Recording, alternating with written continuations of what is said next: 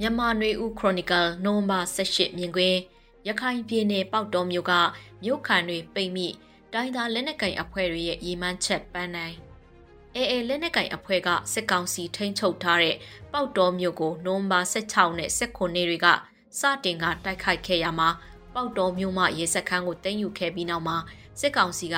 ရေလန်းကရောကုန်းဘက်ကပါပစ်ခတ်မှုတိုက်ခိုက်မှုတွေလှုပ်ဆောင်ပြီးအေအေတပ်ဖွဲ့ကတင်ယူထားတဲ့နေရာတွေကိုပြန်လည်သိမ်းယူဖို့စ조사ခဲ့တာဖြစ်ပါတယ်။ပြင်းထန်တဲ့တိုက်ပွဲတွေအကြားပေါက်တော်မြို့ခံအများပြားပိတ်မိနေကြပြီးဒါဇင်နဲ့ချီတဲ့အရက်သားတွေလည်းအသက်ဆုံးရှုံးခဲ့ကြရတယ်လို့သတင်းတွေအရသိရပါတယ်။ စစ်ကောင်စီတပ်တွေကပေါက်တော်မြို့ကလောကထိပ်ပံဖျားကုန်းပေါ်မှာတက်ဆွဲထားပြီးအဲ့ဒီဖျားကုန်းမှာစစ်ဘေးတင်းရှောင်သူရာကနန်းမြကိုလည်းစစ်ကောင်စီတပ်တွေကထွက်ခွာခွင့်မပေးဘဲလူသားအကာအကွယ်တပ်ဖွဲ့ထိန်းချုပ်ထားတယ်လို့သတင်းတွေလည်းထွက်ပေါ်လာနေတာဖြစ်ပါတယ်ပေါက်တော်မျိုးကဦးစင်းတပါးက၎င်းရဲ့ Facebook အကောင့်မှာမျှဝေထားတဲ့ post တစ်ခုမှာအသက်အရွယ်ကြီးရင်သူအိယာပေါ်ကမထနိုင်တဲ့သက်ကြီးရွယ်ဦးတချို့က ဘုံတော်ကြီးကျောင်းမှာလာရောက်ခိုလုံနေတဲ့တပ်ပုံတွေဝေးမျှထားတာတွေ့ရပြီးစစ်ပွဲတွေကြောင့်နေအိမ်တွေကစွန့်ခွာထွက်ပြေးဖို့မစွမ်းတာတဲ့အခြေအနေမျိုးရှိသူတွေရဲ့အနေအထားကိုလည်းစိတ်မကောင်းစွာတွေ့မြင်ရတာဖြစ်ပါတယ်။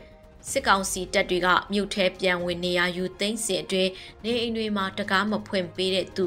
နေအိမ်ထဲမှာပုံအောင်နေသူအမျိုးသမီးကြီးတဦးကိုပြစ်တက်သွားတဲ့တဲ့လည်းဖတ်ရှုရပြီးဒီဖြစ်ရပ်တွေကစစ်ကောင်စီအနေနဲ့ အယက်သားနဲ့အေအေကိုခွဲခြားခြင်းမပြုဘဲတင်ကာမကင်းယုံမြနဲ့ပြစ်တက်ပိုင်ခွင့်ပေးထားတဲ့သဘောလို့ယူဆရပါတယ်။ရခိုင်ပြည်နယ်မှာအေအေနဲ့စစ်ကောင်စီတပ်တွေကြားပြန်လည်ဖြစ်ပွားလာတဲ့တိုက်ပွဲတွေကရခိုင်2022ခုနှစ်ကထက်ပုံမပြင်းထန်မဲ့အနေအထားမျိုးမြင်တွေ့နေရတာဖြစ်ပါတယ်။အေးအေးအနေနဲ့ရှမ်းမြောက်ကတိုက်ပွဲတွေမှာလည်းနေရအများပြားမှာပူပေါင်းတိုက်ခိုက်နေသလိုလွန်ခဲ့တဲ့နှစ်အနည်းငယ်အတွင်းအင်အားတိတိတသားကြီးထွားလာတဲ့ တိုင်းသားလက်နက်ကိုင်အဖွဲ့တစ်ဖွဲ့ဖြစ်လာပြီး2018 19နဲ့2022ခုတွေတုန်းကစစ်ကောင်စီနဲ့တိုက်ပွဲတွေဖြစ်ပွားခဲ့တဲ့အခြေအနေမျိုးမဟုတ်တော့တာလဲခန့်မှန်းကြည့်နိုင်ပါတယ်။အခုတစ်ချိန်မှာစစ်ကောင်စီတပ်တွေကိုအင်အားရော့နေအောင်တိုက်ခိုက်တာစိုးမိုးနယ်မြေကျဲပြန့်လာအောင်စ조사တာထက်နောက်တဆင့်တက်ပြီးမြို့အချို့ကိုထိန်းချုပ်နိုင်အောင်ရီမန်းချက်ထားရှိကောင်းထားရှိမှာဖြစ်ပါတယ်။အခုတစ်ချိန်ဖြစ်ပွားလာတဲ့စစ်ပွဲရဲ့ရီမန်းချက်ကို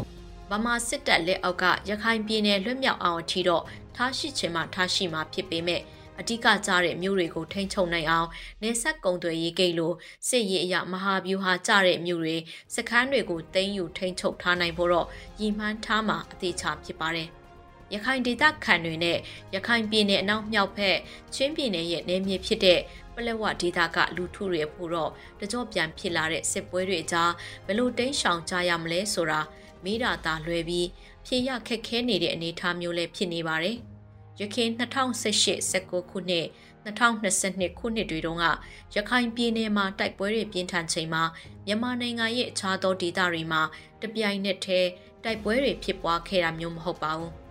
ရခိုင်ပြည်နယ်မှာလည်းလူနေထူထပ်တဲ့မြို့တွေမှာဖြစ်ပွားတာထက်ကျေးရွာတွေအချို့သောလူနေဒေသမဟုတ်တဲ့နေချားဆောင်စခန်းတွေလိုနေရာမျိုးတွေမှာလက်နက်ကင်တပ်ချင်းချင်းဖြစ်ပွားခဲ့တာမျိုးဖြစ်ပါတယ်။အခုတစ်ချိန်မှာတော့အေအေအနေနဲ့မြို့တွေကိုထိန်းချုပ်စိုးမိုးဖို့အထိရွေချက်မျိုးထားရှိတာဖြစ်နိုင်တာမို့လို့ပေါက်တော်မြို့လိုအခြေအနေမျိုးအခြားသောမြို့တွေလည်းကြုံရနိုင်တဲ့သဘောဖြစ်ပါတယ်။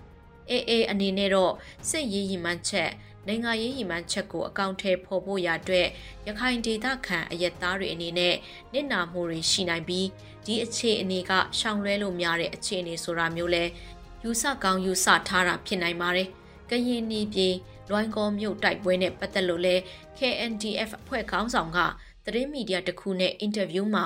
ကျွန်တော်တို့မှာအခြားရွေးစရာလမ်းမရှိတော့ဘူးဆိုတဲ့သဘောပြောဆိုထားတာလဲသတိပြုမိပါတယ် စစ်စခန်းတွေနေဆက်ဒေသတွေကျေးလက်ဒေသတွေကစစ်ကောင်စီစခန်းတွေကိုတိုက်ခိုက်နေရကနေစစ်ကောင်စီကြဆုံရေးစစ်အာဏာရှင်တိုက်ဖျက်ရေးလက်နက်ကင်တိုက်ပွဲတွေက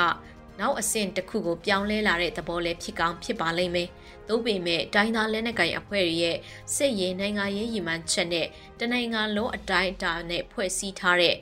UNG ရဲ့ PDF တပ်ဖွဲ့တွေရဲ့ နိုင်ငံရေးစစ်ရေးရည်မှန်းချက်အားလုံးဟာထပ်တူတော့ကြချင်မှကြနေမှာဖြစ်ပါတယ်။ဥပမာအားဖြင့်ရခိုင်ပြည်နယ်ကိုကံကိုပိုင်အုပ်ချုပ်ခွင့်ရဒေသရှမ်းပြည်နယ်မြောက်ပိုင်းအစရှိတဲ့ဒေသတွေမှာဖြစ်ပွားနေတဲ့တိုက်ပွဲတွေနဲ့လက်နက်ကင်အဖွဲ့တွေရဲ့ဘုံရန်သူကစစ်ကောင်စီဖြစ်တာမှန်ပေမဲ့စစ်ရေးအရာအောင်မြင်မှုရခဲ့ရင်နိုင်ငံရေးအရာဘေးရင်မှန်းချက်ပန်းနိုင်မျိုးမျှော်မှန်းထားတယ်လေဆိုတဲ့အချက်မှာတော့စစ်ကောင်စီကိုတိုက်ခိုက်နေတဲ့အဖွဲ့အစည်းတိုင်းကတူညီကြမှာမဟုတ်ပါဘူး တူညီတဲ့စစ်ရေးနိုင်ငံရေးဘုံရင်မှန်းချက်တစ်ခုအောက်မှာလက်တွဲပြီးအတူတူလုံနိုင်ကြမယ်ဆိုရင်မြန်ဆန်တဲ့အပြောင်းလဲထိရောက်တဲ့ရလဒ်တွေထွက်ပေါ်လာနိုင်တယ်လို့ဘုံရင်မှန်းချက်နဲ့မတူတဲ့ရီမှန်းချက်ကြားနားလေသဘောပေါက်မှုဆွေးနွေးညှိနှိုင်းပြောဆိုနိုင်မှုတွေမရှိရင်သို့မဟုတ်အားနည်းရင်တော့ဘုံရန်သူအတွက်အသက်ရှူပေါက်ရပြီးအချိန်ပိုရနိုင်တာမျိုးလည်းဖြစ်နိုင်တယ်ဆိုတာသတိပြုမိချဖို့လိုအပ်တာဖြစ်ပါတယ်ရှင်။